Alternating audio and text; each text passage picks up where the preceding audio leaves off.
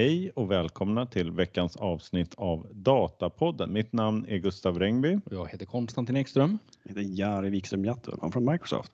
Välkommen tillbaka Jari. Tack så mycket. Alltså det här det är ju datavärldens version av David Letterman och The Late Night Show. The Late, the late Data Show kanske? Ja, det är ju ja, ja. sjukt tack att få komma tillbaka. Jag känner mig som nästan en kändis. Ja, det är superroligt att ha dig på besök igen. Det var, förra gången minns vi väldigt väl här med oh, när ja. vi fick öldrickning också. Vi vet inte om uh, lyssnarna hade någon glädje av det där, men vi var väldigt glada. Jätteseriösa på slutet. Ja. Men idag har vi nya artiklar och vi har kommit överens om att uh, Konstantin. Nu har jag väntat på den här dagen. Jag har hållit mig från att få börja. Ja, nu är det dags. Nu är det dags. Och jag har då hittat en artikel som är titeln From Data Lakes to Data Mesh, A Guide to the Latest Enterprise Data Architecture.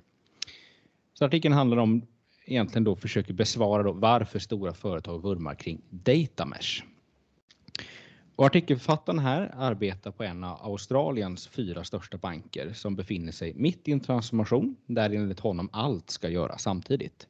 Migrera till molnet, skapa en lång rad dataprodukter splitta upp deras data lake i domändelade områden enligt data mesh.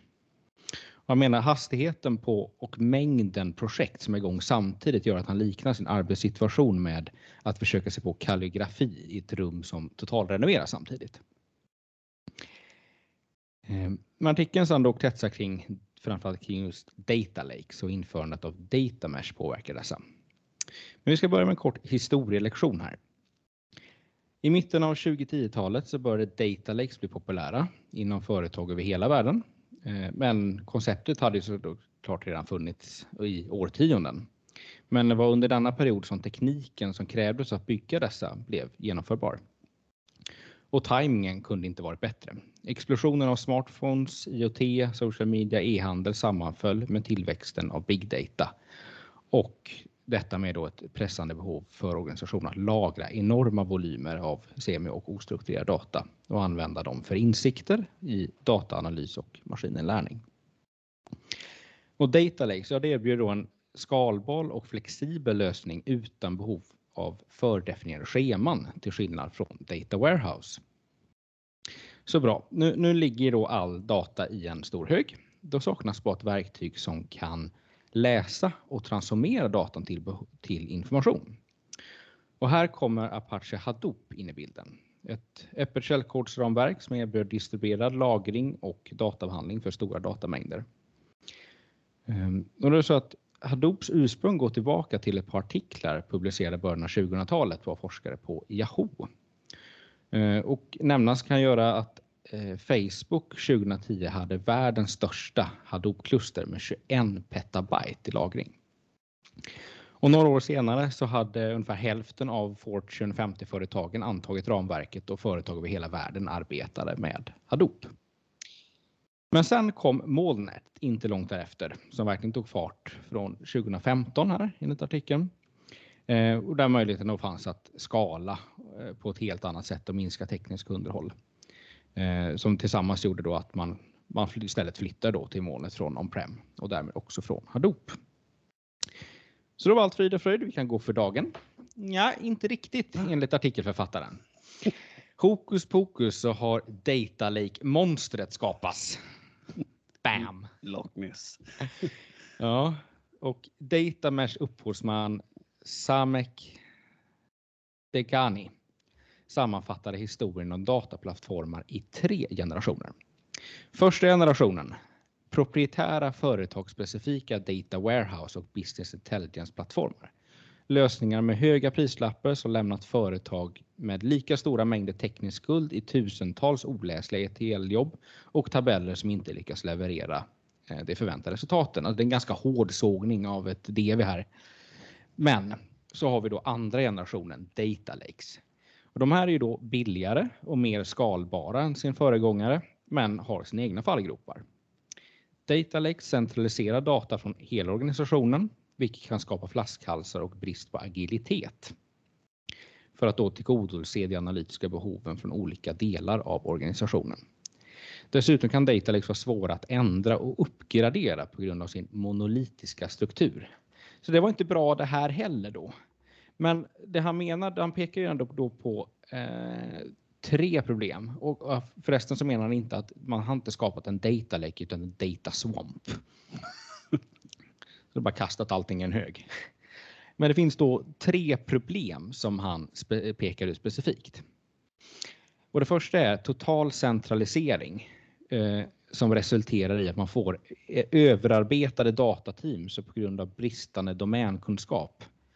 Eh, eftersom inte alla kan kunna allting. Eh, de ägnar sig alltså åt dataskyffling och inte av förädling. Och problem nummer två. Framtagandet av information som gör skillnad blir inte bättre av att man arbetar isolerat med olika steg. Och här gör jag faktiskt en liknelse med ett företag som har funktionsstyrd organisation i kontrast till processstyrd. Man tar exempel här då på, på en bank så skulle en ansökan om lån och utlån, in, alltså inlåning och utlåning då respektive passera compliance och handlare som genomför transaktionen. Och i en funktionell organisation, ja, då är det grovt förenklat att eh, att ett isolerat compliance team tar hand om allting och sen har vi ett team som genomför transaktionerna. Så alltså det blir väldigt eh, sekventiellt för, för alltihop då. Så det är ingen ansvarig för att ett ärende kommer vidare till nästa steg. Så eh, motsatsen till detta blir då den här processdrivna, där har en värdeström så att varje process, det vill säga inlåning eller utlåning, har dedikerade resurser och processägare. Um, och, och, på samma sätt menar jag att man borde arbeta med data för att skapa värde. Att det finns ett helhetstänk för varje värdeström. Att man kanske inte tänker att man har, man har liksom en staging area, man har en nästa lager och nästa lager på det, utan man tänker värdeströmmen av data då genom alla de här stegen. Då. Det tredje problemet är att datateam hamnar i kläm mellan dataproducenter och datakonsumenter i en centraliserad värld. Ehm, detta eftersom både producenter och konsumenter är mer av typen cross-functional medan datateamet menar han blir väldigt specialiserat. Eh, så efter denna totalsågning så presenterar han då helt enkelt tredje generationens dataarkitektur. Datamesh. Och eh, Datamesh är ju liksom en decentraliserad metod för datahantering som syftar till att adressera då de bristerna som upptäckts med Data Lakes.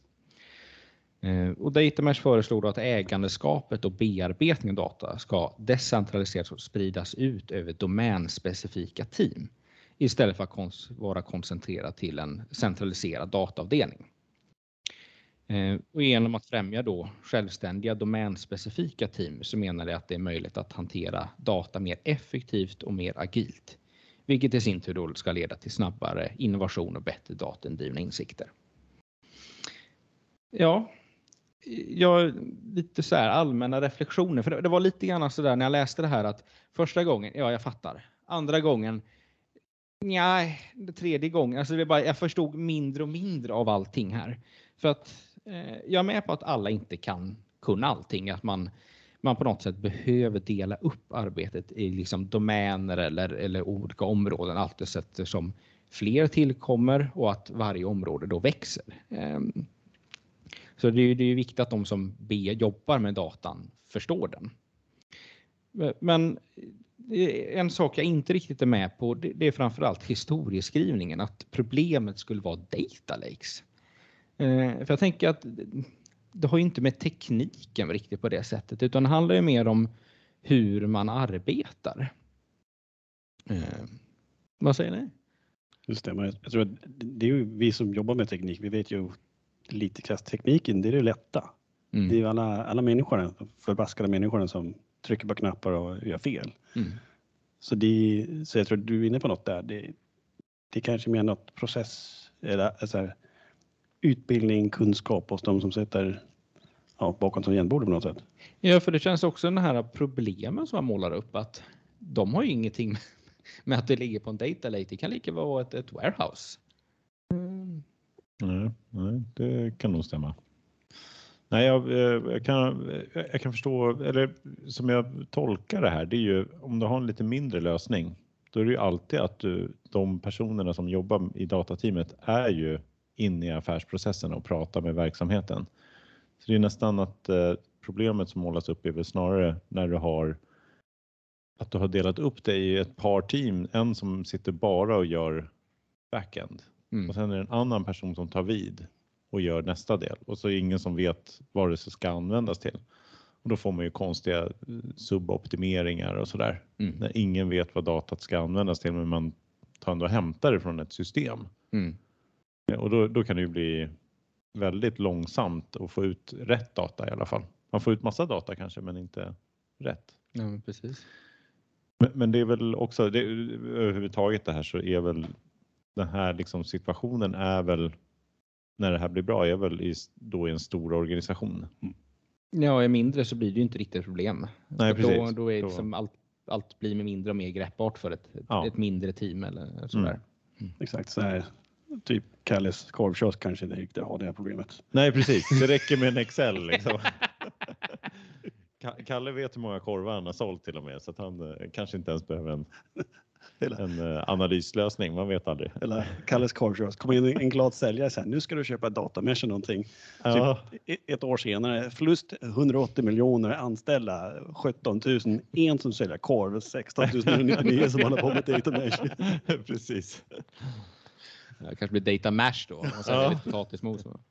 Men den här bilden som han, han tar ändå beskriver sin egna arbetsplats här också. Mm. Känner ni igen er? Är det liknande situation som ni har sett i organisationer? Ja, det skulle jag säga. Nu jobbar jag på ett, ett, ett, nästan, nästan litet företag. Vi har bara 200 000 anställda och sånt där, så det är ju, det är ingenting. Men jag tror att han är, man är inne på något på det här liksom att man har stora högar av data Mm. Um, sen tror jag också många organisationer har lärt sig och sett lite olika så här GDPR-böter till höger till vänster och sånt där. Man, man förstår, man måste tajta ihop det. Uh, och sen datamängderna växer hela tiden. Um, mm. Jag tror någon som snackar om en försäljningsdatabas också, så här 20-25 petabyte. Mm. Uh, och det är ju bara så här enkla grejer, liksom, vilka kunder har vi och sådana grejer. Det är ju så mycket som händer där. Um, men sen är det också så här, jag tänker att det finns en annan, jag skulle säga en fysisk utmaning. En, en sak är liksom att lagra data. Men det är ju det här data, jag ska säga dataflytta, datakopiering och någonting som många gånger har följt flytta och kopiera lite Excel-filer från ett, någonstans till någon annanstans. Det är, det är inget problem om du skulle liksom försöka, vi ska göra en separat grej. Men liksom, det är det fysiska saker som man också gör. Och sen är det åtkomst, vem ska åtkomst till vilka data?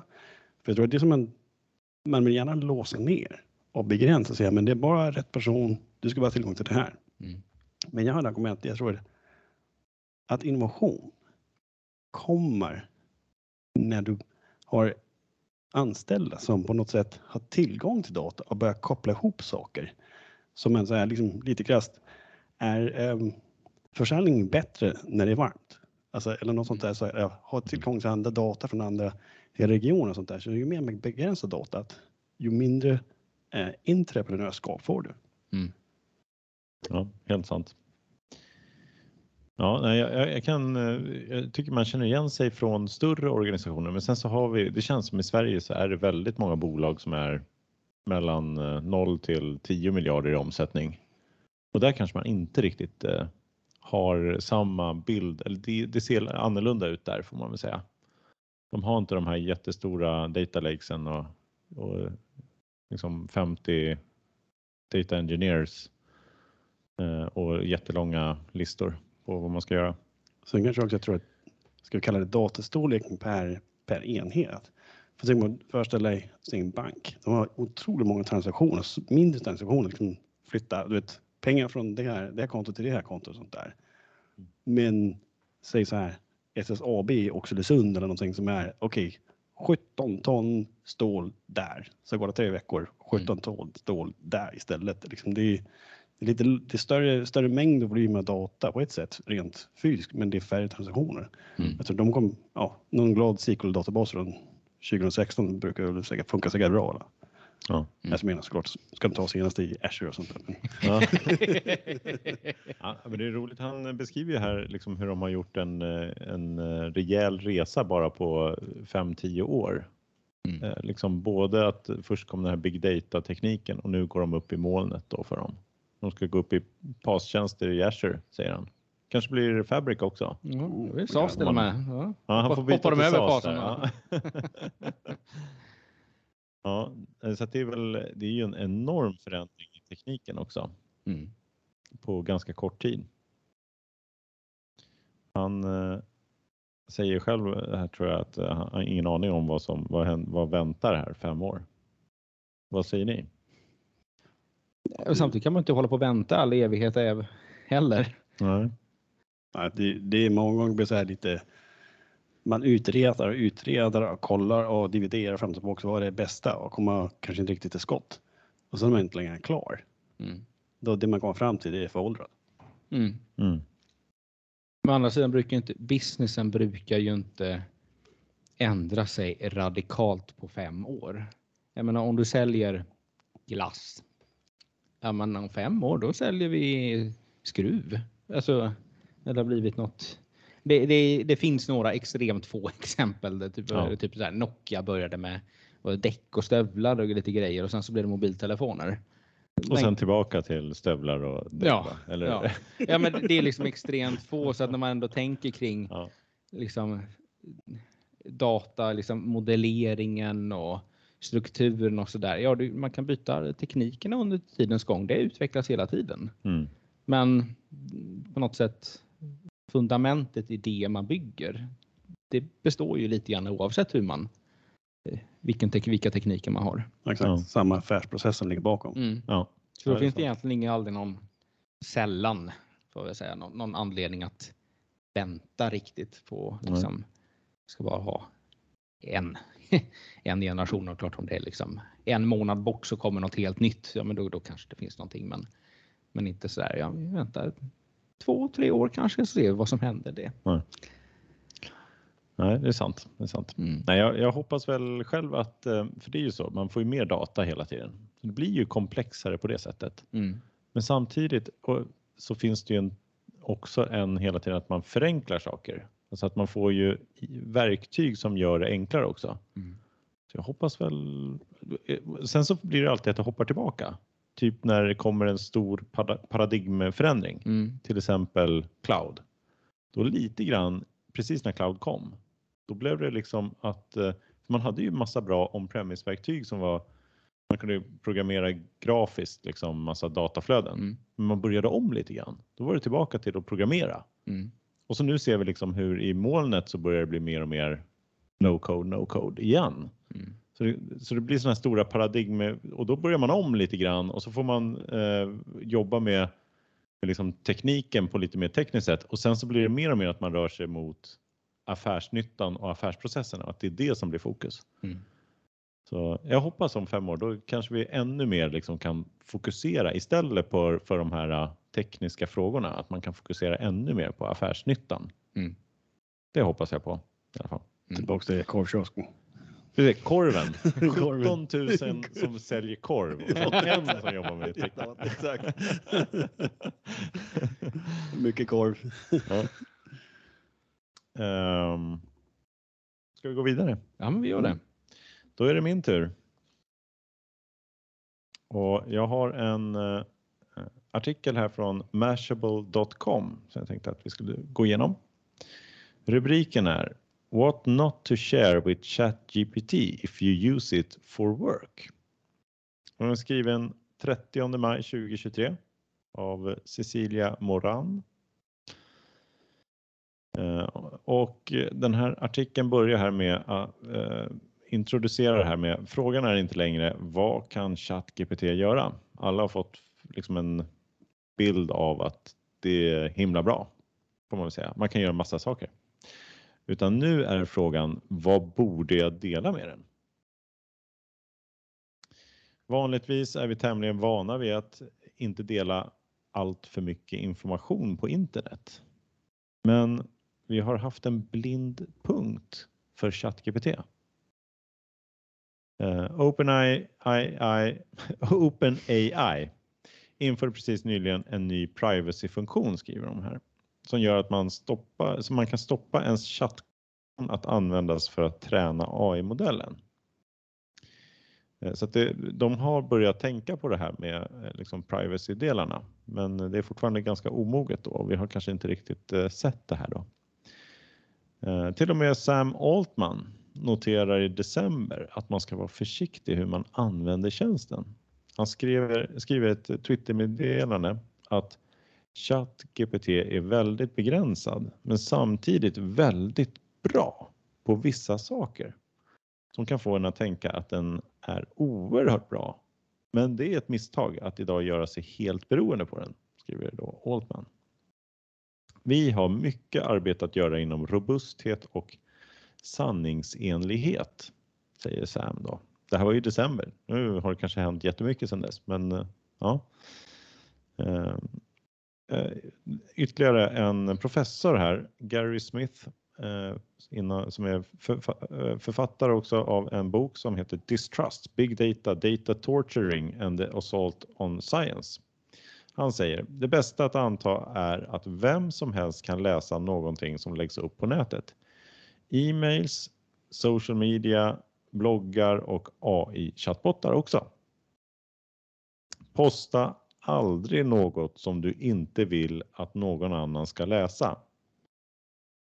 Man kan använda det till go att googla men inte mycket mer tycker eh, eh, Gary Smith då när det gäller eh, då ChatGPT. Ja, och eh, här beskriver man då liksom, eh, på vilka sätt kan liksom ens data bli, eh, ja, användas eller göras tillgänglig för fel personer. Så beskriver Cecilia här ett antal sätt. Då. Nummer ett då, det är att det är helt enkelt att eh, hackers får tillgång till OpenAIs data. Så att eh, de lagrar chattkonversationen och så är det någon eh, tredje part då, eh, ondskefull tredje part som eh, med våld eller hot eller vad som helst. Evil men in dark rooms. Ja, som tar och får koll på din data. Då. Men det kan också vara så att OpenAI och underleverantörer kan ha tillgång till allt material som ligger på servrar i USA. Säger de också. Det ligger i USA. Det kan väl vara direkt eh, problematiskt med GDPR då. Data man ger till OpenAI kommer att användas för att träna modellen, givet att man inte har valt att det inte ska användas. Om man har valt att vara incognito mode så sparas konversationen ändå 30 dagar på en server. Så alltså ens information kan dyka upp i själva modellen som är byggd också och kan då i sin tur göras tillgänglig för någon annan som ställer en liknande fråga då, eh, som jag förstår det. Och så en fjärde eh, del här då. OpenAI säljer data till en tredje part? Frågetecken. Men då svarar Cecilia direkt nej, det gör de inte. Så att eh, den, den bollen stängde vi på en gång då. Men tre sätt står kvar då, då, att det på något sätt kan att data kan göras tillgänglig på ett eh, felaktigt sätt. Då. Ja, om man använder ChatGPT till jobbet då, vad ska man tänka på då? Då, ja, då finns det ju några exempel här som har dykt upp på, på vägen hur det kan gå fel. Då. Samsung råkade dela data med ChatGPT på flera sätt som skapade problem. Både genom att utvecklare då använde ChatGPT för att uh, gå igenom företagets källkod som då var sekretessbelagd, var liksom viktig affärsinformation. Eh, och samt att en anställd använder ChatGPT för att sammanfatta ett konfidentiellt möte också. Så man körde in liksom, mötestranskriberingen misstänker jag då, eller på något sätt och bad ChatGPT att eh, sammanfatta det.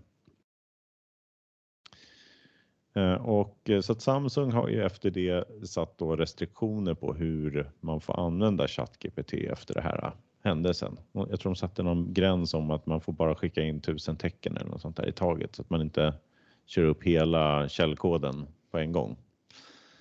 Eh, men det är eh, fler som har satt restriktioner på ChatGPT och då listar de här ett antal bolag.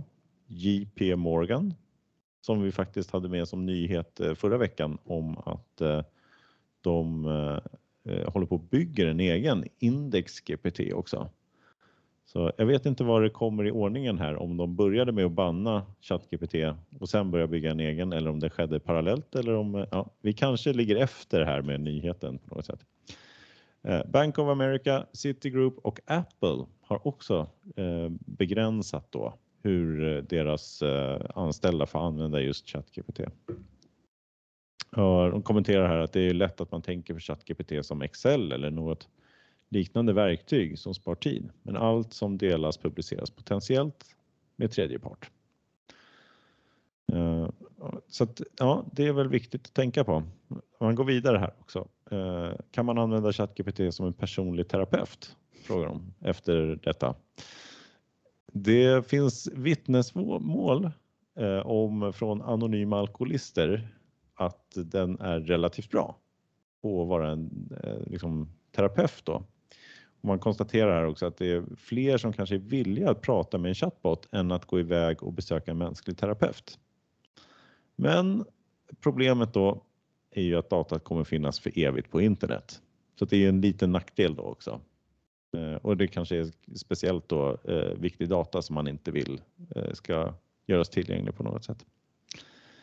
Eh, de ger rekommendationer om man nu ska använda ChatGPT att man ska använda sig av den nya funktionen då, den här privacy-funktionen incognito som man kan eh, då sätta sig i.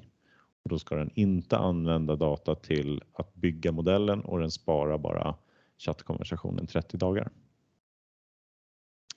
Så det var, det var lite eh, liksom i alla de här, vi har ju haft mycket så här business case så att nu fick vi lite så här också några sidor här som där, eh, ja, där de, ja, med all ny teknik får man väl säga, så mm. måste man ju också drabbas av lite problem också och utmaningar. Va? nej. nej. Jag, jag satt och funderade lite grann. Om jag går in på ChatGPT och skriver lite grejer om dig, Gustav. Mm. Kommer du då få upp det om du frågar? Det är en bra, fråga. Det är en bra fråga. Vad skriver Konstantin om mig? Men för de använder datat och ChatGPT har i alla fall sagt att de använder datat för att fine-tuna mm. modellen. Mm. Så att det borde gå. Man kan ju fråga sig om jag sätter en bot på att skriva liksom en miljon saker om Konstantin. Då kanske jag till och med har ganska stor chans att jag kan få den där botten och eller ja, om, jag, om det görs obemärkt. Ja. Eh, att, att den börjar säga saker om Konstantin. Jag vet inte. Nej. Mm. Alltså jag tror att det är ju, det är ju ett, på ett sätt lyft ett pekfinger eh, för konsumenten. Alltså tänk lite på vad du börjar göra på internet. För lite krasst det är ju teknologi. Mm. Om du använder Google eller Bing, de tre användare som använder Bing. Um, I och för sig Bing har blivit cool nu efter vi har chatt uh, i den. Um, men liksom, om, om, du är på internet och du liksom skriver någonting så måste du tänka om liksom, vem är det som tar emot det på andra sidan? Eh, och vad är deras affärsmodell, lite deras regler, vad gör de med data, vad gör de inte, vilket är nästan det viktigaste. Säljer de det vidare, inte sånt där. Och där tror jag liksom det, här behöver man som användare inte bara, man hoppar lite in, oj kolla ChatGPT kan lösa massa problem och sånt där, man tänker inte liksom hela vägen. Och det är kanske också en vanlig, en vanlig inlärningskurva, på något sätt att, ja, ja, ta lite piano här, tänk lite vad ni gör eh, som man har gjort kanske också med Google Search. Mm. Um, eller vad det nu är för andra saker man, gör, man använder. Mm. Ja precis, men det är väl eh, lite farligt det där med liksom läm lämna eh, kod. Eh, för jag, för mig, jag tror eh, Johan som var med förra veckan pratade om att eh, om du lämnar data där så tappar du upphovsrätten till dem, den data eller mm. du ger ju någon rätt att, att processa det datat i alla fall. Mm. Eh, så det är ju lite problematiskt då. Om man, ja, lite tråkigt för den där på Samsung alltså. Ja. Hade så goda intentioner. Ja, jag tror man ska kolla lite igenom också för det, det som också sker det är ju att man glömmer bort. Det är också när du till exempel när du använder många, många tjänster, så här, både Microsoft och Google, man både med olika Workplace eller Microsoft 365 och sånt där. Mm. Och använder gratisversionen, det är konsumenttjänster. Mm. Det står ju tydligt så här, men vi, där är vissa rättigheter som gäller. Eh, det finns en, ja, data kan nyttjas på något sätt för det, det är liksom, så är det bara. Och det är också om du gör någonting på Facebook och laddar upp eh, bilder, vad det är, där finns saker, men direkt när du ja, betala för något så är det andra regler som gör. Och så är det mm. ofta så här, men det är ditt data, vi kommer inte nyttja det, liksom, det är bara en data processor. Och det är många glömmer bort liksom, den här distinktionen, bara en, det är lite det här eh, gratis tjänst. Alltså det är, man måste tyvärr tänka så här, är det gratis, då är det du som har varan. Mm. Eller ditt data kan man säga. Mm. Ja. Um, Ja, precis. Nej, för det, det är väl det som blir svaret här, det är att man sätter upp sin egen tränade modell i stort sett. Eller har sin egen konfiguration och, och liksom kör det på sin egen eh, molnplattform eller, eller så. Ja, eller så använder deras säkert businessvariant av det. För jag tror Mm. de flesta företagsorganisationer, direkt när det blir businessmässigt så har man liksom, okej, då, då stjälar vi inte data kan man säga. Eller använder den inte för att processa Mm. vidare på något sätt, bara använder för tjänsten. Så det är ju, det är ju eh, intressant. Sen är det ju många av de här grejerna liksom, jag tycker blir hackat och sånt där. Ja, men jag ser lite ChatGPT och den här typen av, det är ju bara en annan vinkling på data som, som är på något sätt. Mm. Så det skulle, det är, det är inga nya, nya hotbilder. Nej. Sen är det såklart, ChatGPT gick på en vecka från 0 till vad det, 5 miljoner användare. Det är ju, och över 100 miljoner användare, det går ganska fort. Men det är ju samma, tänk på LinkedIn Mm. Mm. ehm, eller Facebook eller vad det är. Ja. Så det är ju, ja, det, är, jag tror det är, ju- det är väldigt intressant också de här, om nu för, förbjuder jag så tusen karaktärer. Ja, jag vet, de som vill nyttja det, de kommer bara dela upp sin kod. Det är så svårt. Ja, nej, det är sant. Man får väl snarare förstå vad det är man gör. Ja. Så. Men, men det är väl också, där, i det fallet så finns det väl möjligheter där för dem att, att inte köpa just eh, ChatGPTs tjänster då, för då har de gjort det personligen misstänker jag. Eller något sånt där. Och, och då har de väl en annan uppsättning så att säga. Ja. Om man kör OpenAI i Azure. Det är eh, bubbla.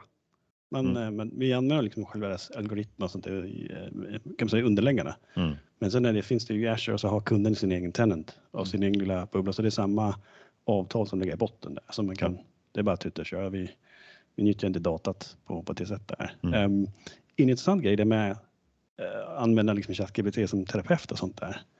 Um, mig till att tänka på också, det står lite längre ner i att man försöker liksom, man på något sätt personifiera tekniken. För det är också när du skriver med ChatGPT, den, alltså det är ju lite Turing-test. Mm. Um, men jag tror många så här, man glömmer bort att försöka förstå vad är det här egentligen? För ChatGPT förstår inte, förstår ingenting.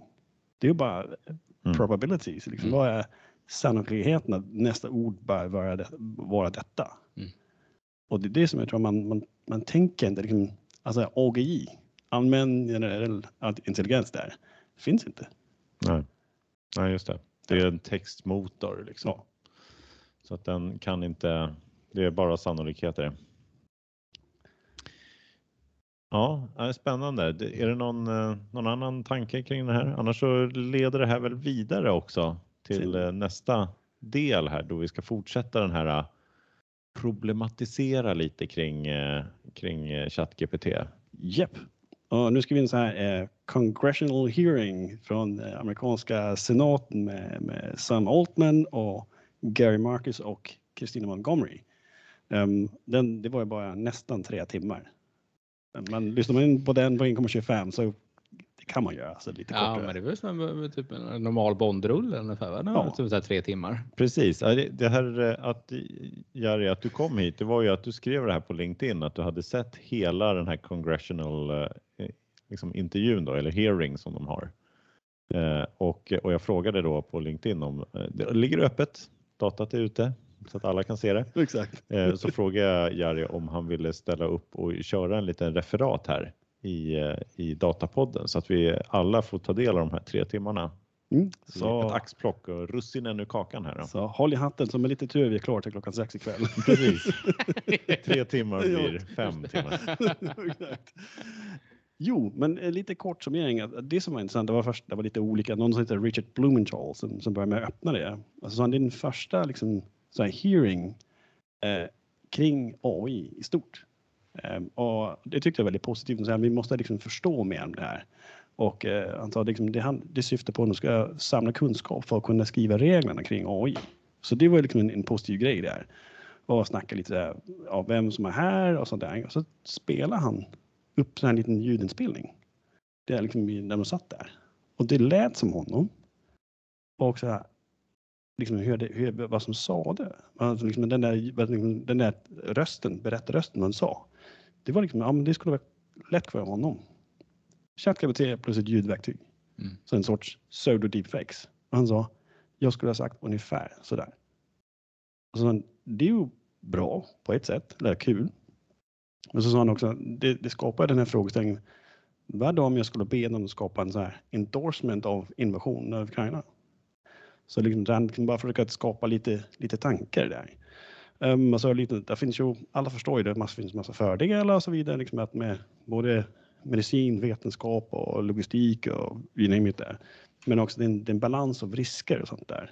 Och han sa hans, hans största mardröm var lite att, att det är att vi ska bli, att många ska bli arbetslösa. Um, det är en sorts ny industriell revolution. Um, så det var lite intressant. Så fortsatte lite med att, att en utmaning det är att kongressen, de jobbar kanske inte så fort. Alltså därför också de kommer in på det, ett syfte faktiskt för dem, det är liksom se till att saker går lite långsammare, stanna till och tänka till och så vidare där. Um, och också samtidigt, de missade med sociala medier att skapa Eh, regler och ramverk kring det. Så de sa liksom, till exempel barn, liksom, det, är, det är svårt att begränsa det nu. Liksom, barn utnyttjas inte öst, ja, barnpornografi och massa andra grejer, mobbning och etc. etc. Där. Så det är lite sådana saker. Och, och så liksom kom också in på att det är också med demokrati. Vad de också är inne på det är att man måste liksom ha förväntningar på liksom att, att system testas, det är transparent och så vidare. Liksom och, och också på något sätt man kan man kan lite grann dra dem till rätta som, som skapar sådana modeller men också att de som nyttjar dem som säger gör ni fel, då, det, det handlar om ansvar. Så det var lite så han sa också, put simple, garbage in, garbage out. Så det var lite roligt där med, med och sen uppmuntring så att AI-industrin behöver inte vänta på kongressen på liksom att försöka att självreglera sig själv. Eh, vilket var också en intressant grej. För de, så det är lite på något sätt underförstått att ja, um, det kommer att ta tid. Um, och det ser vi också i Europa. Nu när det börjar så här, den är AI-akt och så vidare, så det börjar komma lite små saker, men det, det är svårt. Så lite andra, en, en annan senator som sa, ja men den här diskussionen som vi har nu, den skulle vi kunna haft för ett år sedan. För tekniken fanns inte då. Mm. Och så sa den här tekniken är det liksom som är Gutenbergspressen liksom skapar böcker. Um, eller är det som en atombomb? Det, vad, ska vi ha den tekniken ska vara och sånt där. Så det var lite grejen. Alltså, så han refererade Carl Jung att, som sa att ja, men alltså, vår, vår kapacitet att teknologiutveckling går fortare än vår kapacitet det är liksom att, att införa etik och moral i sådana saker. Så det är ju lite roligt det på det sättet. Eller roligt roligt det. Men också att AI påverkar alla på mm. något sätt. Så det är mycket sånt där. Så lite inledande och, och också med kongressen. De är inte så snabbfotade och sånt där. Så det var lite, lite skoj, lite öppning där. Det Carl där, han sa det för hundra år sedan. Ja. Så liksom, det går ännu snabbare nu får man väl säga. ja. um, och sen så var det liksom de här tre vittnena där. Liksom, um, Sam Altman och Gary Marcus och Christina Montgomery från IBM. Um, liksom bara komma med lite så här, okej, okay, men vad tänker de? Öppningsstatements och tack för att vi får här, det är ärende och så vidare. Men det var lite så här halvbalanserat. För jag skulle säga att um, de sa otroligt stora fördelar och de ser också fördelarna. Är det klart fler fördelar än det är nackdelar. Men eh, det, det, finns stora risker också. Det är lite som eh, är man en stark får man vara snäll. Um, och så tillbaka till med demokrati. De sa att demokratiska värderingar, det vi gör, är viktigt. Eh, så det kommer tillbaka till. Och sen också med att man måste ha lite åtanke hur man lagstiftar kring saker. För det var också så att ja, men utmaningen kan vara om du lagstiftar för, lagstiftar för brett och för hårt. Då kan det bli så att den lokala industrin, eller ska vi säga västvärldens industri, alltså AI-industrin, den hämmas. Och så fortsätter andra länder. För du har globala tjänster och jo men alltså om ChatGPT skulle vara kinesisk. Jag tror inte många användare skulle tänka så mycket på det. Så här, ja, men det är bara kul. Och sen kan man ju tänka sitt där. Um, och så var det lite så här med att, att det kommer, de tror att det kommer fler jobb. Vissa de tror att det kommer fler jobb efter AI, lite som med de första och andra eh, industriella revolutionen. Det är nya jobb som, som dyker upp där. Och det sa hon också när Christine Montgomery, det är liksom att hennes jobb som så AI ethics officer eller någonting, ja det fanns ju inte det jobbet för fem år sedan. Mm. Så det, det kanske dit det ska gå. Och sen var det, det Gary Marcus sa också en grej, det med inflytande på global nivå. Det var en av hans oro. Eh, liksom att det här, men ChatGPT har ju 100 miljoner användare. Och det har gått sådär otroligt fort. Eh, och det är också, vad transparent vilket data är det? Så du kan ju influera folk. Och det är också beviset så att, att du kan ju ha testat att för vissa människor med att använda sådana här typer av system kan vi påverka att de svar man får tillbaks. Och eh, de kan ju, alltså du kan gå in i, gå in i ChatGPT eller en annan liknande LLM och skriva så här. Drafta någonting till Twitter som gör så här. Eh, så det är väldigt fort. Ehm, men också den här med, med information, missinformation eller desinformation som börjar dyka upp mer och mer. Det var också att till exempel han sa att, att eh, de som i en rättegång så är, bara man peka om det vittnet, det är kanske något de hittar på. De kanske använder ChatGPT till att hitta på det här. Eh, men också att det finns falska människor. Ehm, så det är också den här lite, vad är sant och vad är falskt? Så det tycker jag var en intressant sak som är en, en förmåga som jag skulle säga som vi måste ta till oss. Ehm, så det var lite intressant det. Så ta lite axplock över vissa av de här frågeställningarna. Den första frågan tycker jag var hela frågeställningen. Ska vi ha så här nutrition labels för consumers? Alltså, vad är det som den här AI-modellen består av? Vilket data är det? Vad, är, vad, kan den? Vad kan den inte? Och så vidare. Så här.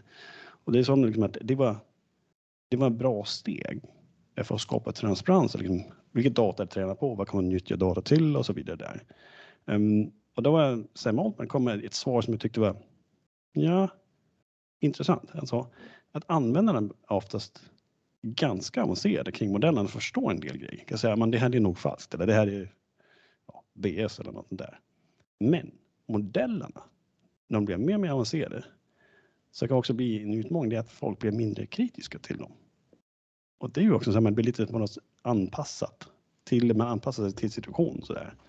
Eh, och så sa också, men man ska också tänka på att det är AI, det är ett verktyg, inte ett människa. ChatGPT 4, det, den gör uppgifter, inte arbeten. Så det var lite sådana saker i det. Så, så det är lite så här, de kom lite, ja, lite diskussioner kring den frågan där. Så var det lite mer med ehm, um, också med missinformation, Att de sa så här att de här stora modellerna, som de, de tränat dem på otroligt stora mängder data, säg Twitter och Facebook, då kan man förutse vad folk kommer att tycka och tänka och på det sättet justera sitt politiska budskap. Och det var lite skrämmande och sa att en utmaning det är ju så här att, vad ska man säga, att du kan ändra folks eh, uppfattning. Kanske de som är lite mellan, kom ihåg den här Cambridge Analytica mm. som tar mm. det lite på steroider. Um, och sånt. Så det var också en liten farhåga med så här, vad, vad, hur styr vi det här? Hur lagstiftar runt det? Så det var lite sådana grejer. Sen var det också det här med att de sa att ju mer sådana eh, system de känner till oss, ju bättre kan påverkas. För det blir lättare att liksom pinpointa Gustav eller Konstantins liksom, tweaks. Det är nog så här war of attention. Det är ett massa grejer, system som idag skapar för liksom, ska vara attention grabbing.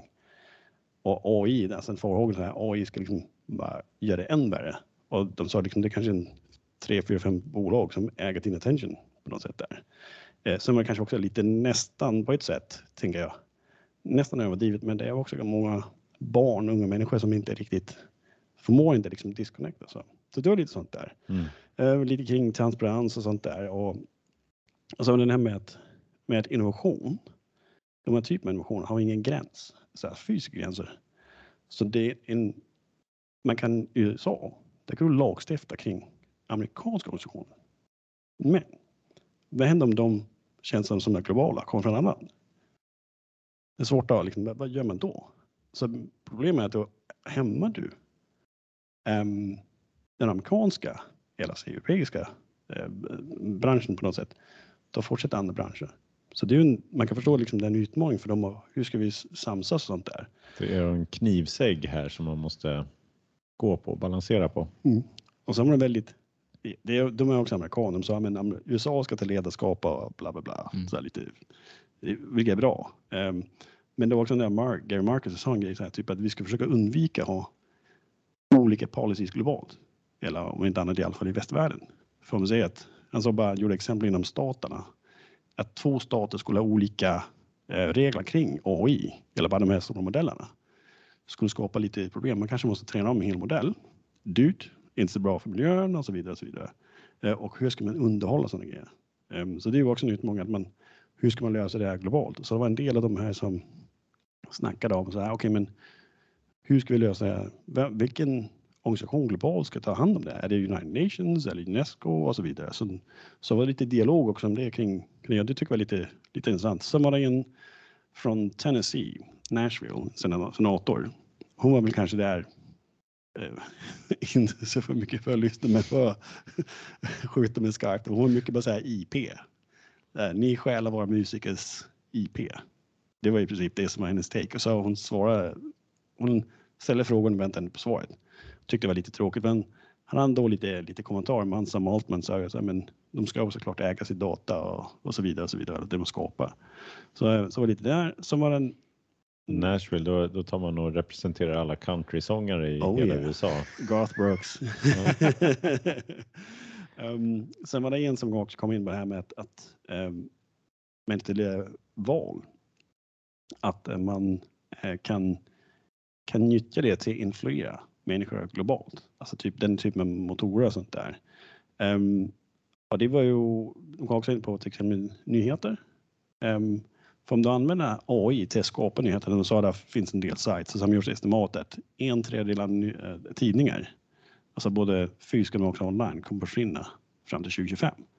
Och utmaningen blir att kvaliteten på det som skapas kommer att gå ner. För inte längre människor som skapar det. Um, man kan säga net new är ingen ny content.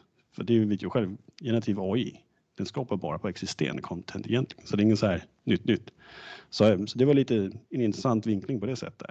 Um, och sen var det Jo, kring hur man ska försöka lagstifta runt det, en liten fråga om det. är att när man ska skydda konsumenter, så här, som en, eh, på, inom atomområdet. Ja, vill du bygga ett atomkraftverk så har du liksom en, en myndighet som ska ge dig en licens till det som de också ska dra tillbaka igen. Så de börjar snacka om, ska man ha någon sorts AI-licens, man kommer ha en viss, en viss tröskel, en viss tröskelvärde.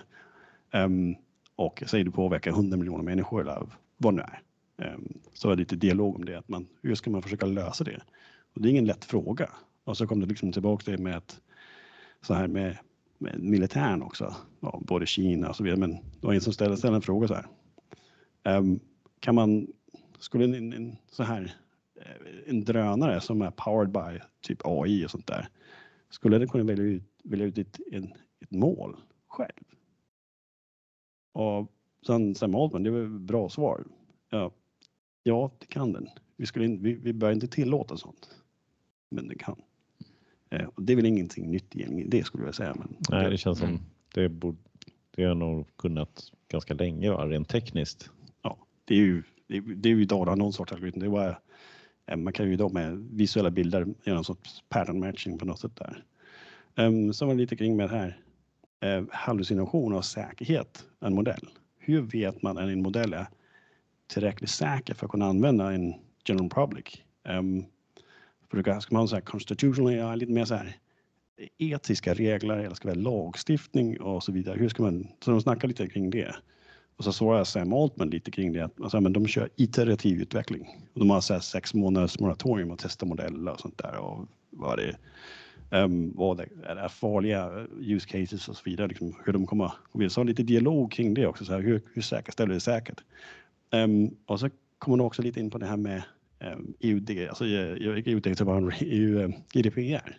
Mm. Um, för de har ju inte en sån lagstiftning idag. Och de har i Kalifornien något som påminner om det. Men i USA i stort, they don't have it. Så det var lite sån här dialog om det. Och sen var det en som, som jag tyckte, han en senator, senator som hette någonting Kennedy. Så sa han, okej, okay, ta de här tre teserna och liksom behandla som det, det är sant. Ett, de som sitter i kongressen, de förstår inte AI. Sen är det nog sant. Men, och det att man inte förstår, är inte lika med att man inte går in och lagstiftar. Um, och på det sättet kan skada synologin. Och det finns antagligen så sen så säger berserk wing of the AI community which could use AI to kill or hurt, of, hurt us all. But, uh, okay. Men så ställer han en fråga som jag tyckte var intressant. Liksom, okay, kom med två, tre konkreta förslag på liksom att, hur man ska lagstifta. Och det är intressant, intressant sak, både frågan men också svaren. Hon eh, från IBM, Kristen Montgomery, det var så, så lite luddigt så här. Um, lite corporate någonting, jag vet inte vad jag ska svara, lite politikersvar. Så han ställer, men vad menar du med, liksom så här med transparens? Um, vad menar du med disclosure models? Um, regler och så vidare. Liksom. Det blir så här helt lite luddigt där. Uh, så tror jag de andra liksom, de fattar, oj, vi måste ha ett ganska krispt svar. Crisp svar.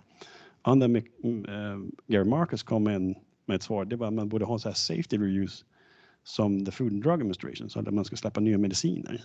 Okej, okay. så här trösklar och hur många människor påverkas och så vidare. Så han sa att ja, ska det påverka 100 miljoner människor så måste man ha människor som, som godkänner det på något sätt. Ehm, och så man kan dra tillbaka den här licensen på något sätt. Så det, är ju, det tyckte jag var en intressant fråga på det sättet.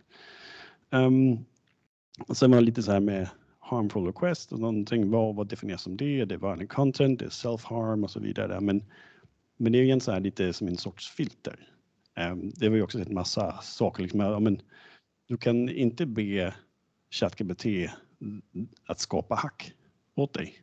Men du kan be dem hur ska jag skydda mig mot det här? Bra, du har liksom förslag på hur du ska, ska hacka någonting och sånt där. Så det är lite, lite svårt. Um, sen var det lite mer regulatoriska scheman, hur man ska göra med det. Um, och också, jo, här var en, en intressant grej där. Um, säkerställa inklusion. Både språk, etnicitet, kulturella saker liksom, som, som var en som frågade hur, hur kan man göra det? För utmaningar, många av de här modellerna är tränade på engelska. Så som Sam Altman sa, ja men vi, vi tränar vissa delar, de använder isländska språket där, men, men det är en utmaning, många sådana modeller. Det är engelska som gäller. Så, att, så det finns ju utmaningar i det. Att, de är, att det finns en inbyggd bias mot, eller för det engelska ja, språket. Mm. Um, och sen ja, det var lite olika um, regulatoriska saker. Det är tillbaka till licens, ska jag bläddra lite här. Jo, um, det, det är en liten no-brainer, men borde vi ha en de som frågar sig, borde vi ha en national privacy law, alltså en, en amerikansk IDPR? Så det är många som säger, ja men det borde vi ha. Eh, så vidare. Men det är också lite tydligt, de har inte det. Eh, och här kommer the, in, ska säga, en fråga som är intressant. How do you feel about your kids using it? Alltså OpenAI. Mm. Och det tror jag liksom, Sam Altman, det är ju så här mediatränat. Ja, men vi har de här, vi bygger ett safe product, vi har minimum 13 år och bla bla bla så vidare. Men det var ett, tycker jag, bra, en bra frågeställning. Alltså vuxna människor som kanske förstår, det är en oj, ha den kontexten, men barn. Och eh, såklart den här med, um, vi kan inte stopp och säga, we can't put the genie back into the bottle. Vi kan inte disinvent det här. Det, det kör det här tåget. Och sen, sen eh, får vi se vad vi gör. Och liksom, vad, vad, vad ska man, de här myndigheten, en teoretisk myndighet, vad ska liksom den, den göra? Och så sa insider Market sa en grej, ja men det är inte bara en flaska. Det är inte en sak som är utmaning, det är många saker och det är inte de sakerna som är idag som vi ska roa oss för. Det är de framtida. Han sa, ja men det är både self, alltså för modeller som kan själv förbättra sig. finns vissa saker man lite, kommer lite närmare det. Men också de är eh, self-aware. Eh, och det var också så, var lite dialog om det senare med att vi förstår inte idag, det är med att man är medvetna. Alltså det är medvetna, det förstår man inte själva det. Man kan inte riktigt emulera riktigt idag. Eh, men så det är kanske ett, något, ett ställe vi inte vill gå på grund av risker och sånt där. Ehm, um, också att man kan inte riktigt idag detektera missinformation på samma sätt som man kan virusskydd av malware och sånt där. Ransomware, alla fattar det. Då kan du inte nyttja ditt system. Men missinformation på Twitter, vad det, vad det liksom är okej. Okay. Vad är något som eh, kan man säga ställa demokratin på sin spets och sånt där. Så det var lite sådana grejer, så lite kring med konsolidering av, av, av eh, makten i få aktörers händer och så vidare.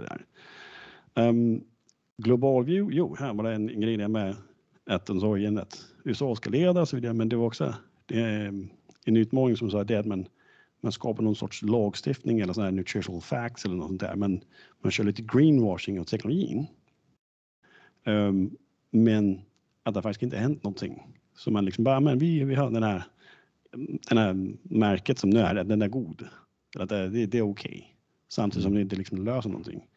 Och att regulatoriska bördan blir den för stor så kan den hålla små aktörer utanför det här. För de stora, så här, säger Microsoft och Facebook och Google och IBM och sådär, har ju mycket muskler, har folk som, som, som kan det och resurser och sånt där mm. som små aktörer kanske inte har. Så det var lite en del av det också det med pre och post deployment, man skulle tänka lite på det. Um, monopol var det också snack om. Jo, myndigheterna. Om det ska vara en myndighet som ska försöka att eh, ha koll och kontroll på det här. De behöver resurser. Och så som Sand säger, ja, vi känner hur det går med myndigheter. De, de oftast har de inga eller få resurser. Och sen är det så vi sa det att det är politikerna som styr dem vad de gör ändå. Så de är inte riktigt helt fristående. Så det var, det var både resurser i form av pengar men också kompetens. Mm. Um, så det var en, en annan sak. Um, det var också med att, att um, det med self-awareness och self-learning och jailbreaks och sånt där. Ehm, det kommer lite in på att eh, en utmaning är att mycket det som jag pratar om idag, men också med lagstiftningsmässigt, är det är saker som, som vi helt enkelt inte har kommit på än. Alltså rent uppfinningar, de finns inte än.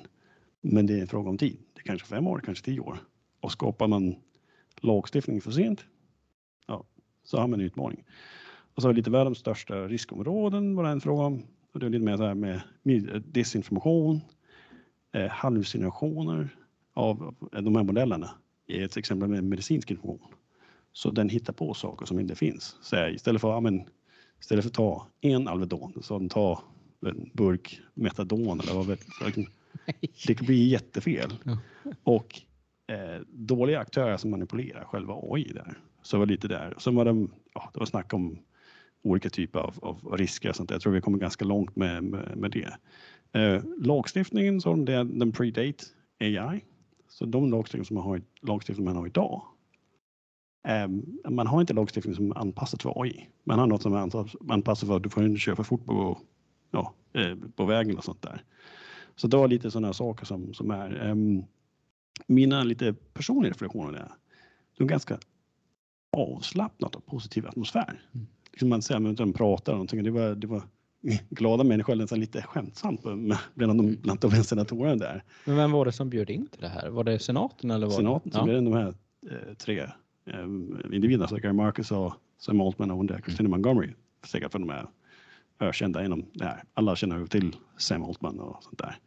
Mm. Um, men en del av dem hade en del kunskap. Och senatorerna, man kan säga att de har läst på i alla fall, har gjort lite hemläxa och sånt där. Um, och det var ganska likadana frågeställningar som vi också har här. med eh, eh EUs eh, AI Act och sånt där. Mm. Man skulle tre, liksom, tre saker, tre områden. Det är säkerhet, det är transparens och lagstiftning av aktörerna som är, är liksom intressant. Um, inom säkerheten, där är ju, ja, det som var den tanken han lyfter fram som Altman, det är det här är ett verktyg. Och det krävs att det är någon som gör någonting, skriva någonting till ChatGPT, sen trycka ut det på, på Twitter, sen kanske i framtiden posta det på Twitter eller någonting. Det kanske, så det krävs att det är en aktör. Och det finns så begränsningar vad du rent tekniskt sett kan göra för att skydda folk mot att göra, mot att göra dumma grejer. Um, och sen också det med spridningen. Som du sa att det kan gå väldigt, väldigt fort. Från 0 till 5 miljoner på en vecka. Eller 100 miljoner användare. Facebook, hur många användare har de? har miljarder. Mm. Eh, så man kan få väldigt stor spridning. Um, och så är det med olika typer av säkerhet. Ehm, men, men den är också en, en säkerhetsmässig del, the unknowns, vad är det vi inte vet? Ehm, som alltså vi, risker som vi inte helt enkelt känner till idag. Jag tyckte det var någon, sån någon Youtube-video med någon, var det Donald Rumsfeld som sa så här. There are known knowns. There is unknown knowns. Liksom, vi vet att vädret skulle bli dåligt. And then there's unknown unknowns som, som risker. Det är som en saker som vi inte vet om. Mm. Så det var lite en, en sak eh, som var. Sen så har jag också ett citat från Sam Altman, eh, Sam Altman kring hans, vad hans rädsla på det här, kring det här. Det är My worst fear is that we cause significant harm to the world. Så det var lite det. Sen är det med, med AI och, och system, det är att vi har inte förmågan på att skilja vad som är gott och ont rent datamässigt. Vi kan tänka så här virusskydd eller någonting, eller en korrupt databas. Det kan vi lösa. Det kan vi detektera och skapa skript för att rätta till det. Men disinformation på Twitter. Vad är disinformation? Och vad är jag har en åsikt? Ehm, um, så man, man, det är svårt att hitta så här trollfabriker och sånt där. Um, och sen är det också det här med kring säkerhet, reflektion, det är att vad är äkta? Hur vet man att något är äkta? Tänk på så här en, en domstol, något vittne um, som har något dokument eller någon video eller någonting. För förut, liksom, du kan tänka på så här, Photoshop, man kan nästan gissa, men det ser lite Photoshop ut och du kan kolla någon metadata. Men i framtiden där du är skapat från grunden av en AI. Det är ingen så här, du har tagit en original och hackat till. Nej. Så det, det, finns lite saker, vem har skapat musiken och så vidare. Mm. Transparens och lagstiftning är också en tanke som jag tänkt lite på det att det är ansvar och rätten till privatliv som blir en, en nyckelfråga på något sätt. Ehm, att de här som producerar de här modellerna eller program ovanpå, hur, hur får vi dem till att ta ansvar för det som, som nu sker och sånt där. Men också att hur ska vi på ett global plan säkerställa rätten till eh, privatliv? Hur kan du på något sätt skydda ditt eget data? För man säger också once it gets on the internet, it stays on the internet. Um, så lite sånt. Sen är det det med lagstiftning de som stiftar de här lagarna. De är kanske eh, inte vita män i 45 års ålder som jobbar på ett IT-bolag. Um, så det är ju, vissa såg ju när, närmare pension ut. Jag säger inte de är, de är inte röka någonting. De, de, har en massa erfarenhet men de kanske inte helt hänger med på, på vad, en large language model är och så där. Mm. Så det är lite sådana saker. Såklart eh, GDPR och sådana saker. Det, alltså, rätten till privatliv som vi har och tar för givet.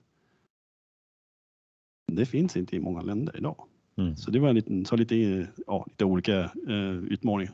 Insyn i modellerna, de blir större så det är också att risken blir större med det. Mm. Så det innebär wow, yes. Alltså jag jobbar på ett amerikanskt bolag som pushar ut Copilot och allt det där.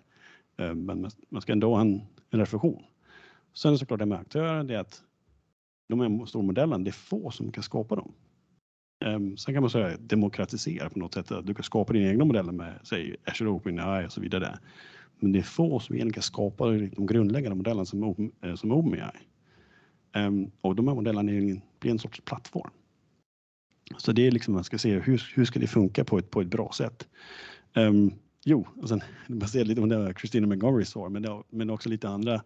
De här svaren det är att IT-branschen, vi är väldigt bra på att vara luddiga um, få ett svar som blir det lite spin doctoring eller någonting där. Mm. Um, men det kan också vara svårt att komma med så här raka svar för det kräver så mycket kontext mm. och, och liksom förstå. Men kan en, kan en uh, eh, AI, eh, sen, som fråga, kan en AI eh, välja ut ett eget mål? Ja, det har kunnat det ganska länge. Mm. Uh, vi borde inte tillåta liksom så här. Och sen är den som sitter på andra sidan som är i den här kontexten och förstår ändå det här. Oj, oj, vad ska vi nu? Nu drar vi handbromsen. Eller vad det är.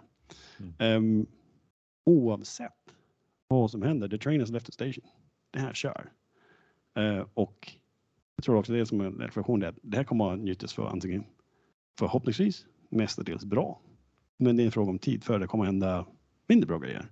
Så det var lite, man skulle säga, det var en hearing som var lite skräckblandad förtjusning. För de var väldigt positiva, glada, men vi ser otroligt stora möjligheter, men vi måste liksom lösa de här knäckfrågorna först. Där. Så um, så det, är ju, det var lite kort, eh, eller långt. Mm. Ja, superintressant. Och... Ja, verkligen. Jag tänkte på, eh, eh, jag har sett den här, jag vet inte om ni har sett den här Silicon Valley parodin på liksom IT startup oh, ja. Han har ju en sån här hearing också, han vdn där i Silicon Valley-bolaget. Han får ju komma också till, eh, men det kanske, jag vet inte om det var senaten då eller om det var kongresshuset. Jag, ja, ja, kan ha varit endera. Man säga. Det var lite roligt, det är, liksom, det är nästan som eh, den eh, liksom, parodin finns ju på, i verkligheten. Mm. Det, det, stämmer väl också, de parodiserade egentligen när Facebook var där och de här, de var, har ju också varit där och blivit mm. ut Eh, liksom, frågade mm. kring eh, information kring det. Mm. Och lilla Pied Piper mot uh, jätten Hooli. Precis, Pied Piper mot Hooli. Uh, Ja, nej, men, nu tog du upp lite grann de så intressantaste frågorna och sånt där. Jag funderar på, jag har inte hunnit se hela, men jag undrar liksom var det också, det är ju så här de här politikerna som är med, de, eh, framförallt så vill de ju promota sig själva så, genom sina frågor. Så det behöver inte vara att de ställer frågor för att de vill ha information alltid. Fanns det några så här iögonfallande frågor som var lite eh, over the top eh, på något sätt? Ja, eller jag skulle säga med hon som var från Tennessee. Ja. Och eh, det liksom, hon sa, ja men i USA har de privacy, bla bla, någonting så okej. Och, och, så gick hon, hon gjorde hon så här, ja men bla bla, jag bad ChatGPT skapa en, en country-låt. Eh, och så gjorde hon så här ganska, så här, ja men det här är ju i princip, det, hur vet jag det här, eller ni har snott Gothbrooks data. Hur, hur, hur tar vi betalt för det? Eh, hur tar ni betalt för det? Alltså, hur ser det till att liksom, han får sina ja, rights eh, på det? Och sen ska han ställa Altman, precis det jag svarade, så kom nästa fråga. Och så kom nästa fråga, bara, how do you compensate artists? Uh, do you favor sound exchange? Och Sam Altman bara, sound what exchange? I don't know. Uh, och bara målade på. Uh, och någonting så AI jukebox som gjorde någonting, det var något mm. demogrej och sånt där. Så hon väntade inte hon ville bara få fram sina frågor där hon, om hon hade sina, ja, hon hade sina constituents i, i Nashville, Tennessee som, som det var dem. De får väl hålla sig till whisky i framtiden här. ja. Den kan man ju, den kan ingen, liksom, den måste produceras på ett annat sätt. Det kommer inte AI sno. Exakt, hantverk är svårt för, för AI liksom att åstadkomma. Ja. Men, det är också en intressant fråga som jag tror så här, tänk på i framtiden. Blir något som är skapat av en människa blir det en lyxvara? Ja, men så måste det väl bli. Nu är det väl i och för sig, jag vet ju, vi jag har en flaska Mackmyra som är gjord med AI, faktiskt i Azure tror jag faktiskt, mm. eh, hemma. Så att eh, där har man ju använt AI. Eh, då är ju det fortfarande inte billigare whisky, eh, men eh, ja, det kommer väl bli något sådant här tillfälle då det faller över. Optimerar ingredienserna typ under tillverkningen. Ja. Ja, precis. Temperaturer och allting. Jag renoverade eh, sommarstället för många år sedan och eh, då kom det fram en kartong som de hade satt in i väggen för att isolera. Där det stod eh, bröd, bakat bröd från vad de nu hette. En, vi bakar bara i elugn, står det. Där hade man också det. Och nu är det ju inte det så fint liksom hålla på att säga att man har bakat i elugn liksom. Så det är väl så. Det var väl på 20-talet eller något sådär. Då var det fint med elugn eller 30, 40. Intressant. Men jag tänkte det med, med lyxvaran, för om du tänker med mycket som, bara ta musik. Mm. Okej, okay. en konsert kanske, där, då vill du ha din svettande artist som står på scen och liksom ta, kasta ut sin själ eh, på, på scen på något sätt där. Det kan ju hologram. Ja, men, men ja, men tänk mm. så här, men kanske, vi kanske blir lite så här på något sätt, vi anpassar oss till vissa saker, alltså massproduktion. Så det är liksom att, att man, det är liksom om du ska baka någonting själv. De gjorde de här, du vet, man kan baka en kaka. Och så har man kommit på efter lite studier så här, ja men du gör, om du i princip ska göra ingenting så känner hon ingenting för det du har skapat. Du ska ha en liten effort. Du ska göra någonting. Du ska hälla i lite vatten och ägg. Mm. Då känner du, att du något som du har skapat, då smakar det bättre. Mm. Men sen också med, med ta foton eller tavlor eller någonting. Du kan bara, vad det heter, köpa en, en tavla. Um, ehm, AI kommer ju kunna skapa något som är perfekt. Det är ingen mm. så här typ, du vet, telefonen ringde så bara oj, nu tryckte jag lite hårt eh, på själva tavlan och blev lite så här liten defekt. Det gör den ju inte. Sen kanske man kan programmera den till att göra det, det blir en annan sak. Men en människa som ska göra det, som ska liksom stå slava bakom det här och det, säkert dricka rödvin eller någonting och sen hålla på och rita det här, göra det liksom, gör den här äh, tavlan. Kommer att ta mer betalt. Man kan säga att kvaliteten blir sämre. Mm. Är vi människor villiga att betala det, betala det extra priset för just den delen eller blir det bara så här, det är en lyxvara som vissa har råd med och de som vill ha tavla används. Det är, ja, det är AI-genererat. Mm. Det du säger, en AI kan inte skära av sig örat. Eh, Nej. Så att säga. I, inte fysiskt i alla fall. Sen mm. får vi se med algoritmen om den nu blir det ganska filosofiskt. Ja. jag får komma tillbaka, jag får brygga lite mer öl här. Precis. Vad blir nästa steg då från den här uh, hearing? Hade de någon uh, slutpunkt eller är det öppet? Det var öppet och de sa, som de sa i början, det är den första av många. Så det verkar som de ska liksom eh, systemet ska mala på där. Mm. Eh, och jag tror att det är lite så att de ska samla in kunskap för att försöka förstå vad, vad handlar det om? Man kan lagstifta kring, kring AI stort. För eh, OpenAI och Sam Altman, det är ju bara en del av det. Det är en stor språkmodell med, mm. Med en chattprompt på. Men det är mycket annat som också påverkar. Så mm. det, är många, det är många etiska regler som man behöver tänka på. Mm. Ja, ja, superspännande. Mm. Vi, nu har vi, är vi nog uppe i en timme så det är väl eh, lagom här. Nu eh, får, eh, får ni ta en paus här från springandet eller vad ni gör nu här ute, kära lyssnare. Dags att kliva av bussen. kliva av bussen eller vakna upp. Hallå! Superkul Jari, det var tredje gången du är här. Ja, alltså det... Inte tredje gången gilt utan nej, du får nog komma tillbaka igen. Ja, men det här är ju som, som att komma liksom på David Letterman, man måste liksom hitta på något nytt, göra någonting som man kan komma tillbaka till. Tack så jättemycket. Tack så ses vi nästa vecka. Superbra. Hej då. Hej då. Vakna klockan fem, det är mörkt nu igen som